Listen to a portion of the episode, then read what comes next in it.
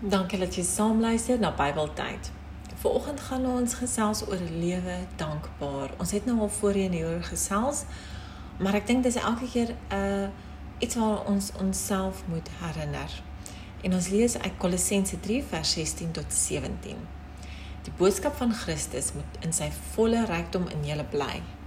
Leer en onderrig mekaar met alle wysheid.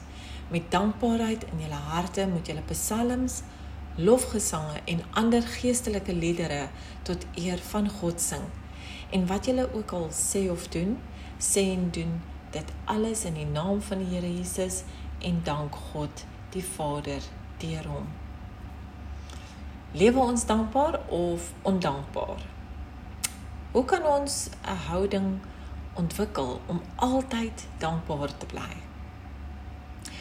Daar is baie negatiewe in die lewe en ons sien dit raak daagliks.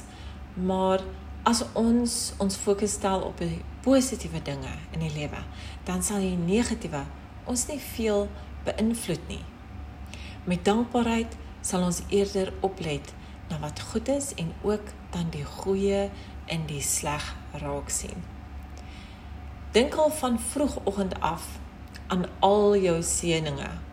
Die oomblik as jy wakker word, Dank die Here vir elke klein en groot seën. Soos byvoorbeeld om uit jou Bybel saam met my te kan lees op hierdie oomblik is 'n seën om kruideniersware te gaan koop, petrol in jou kar te sit, jou familie, jou vriende.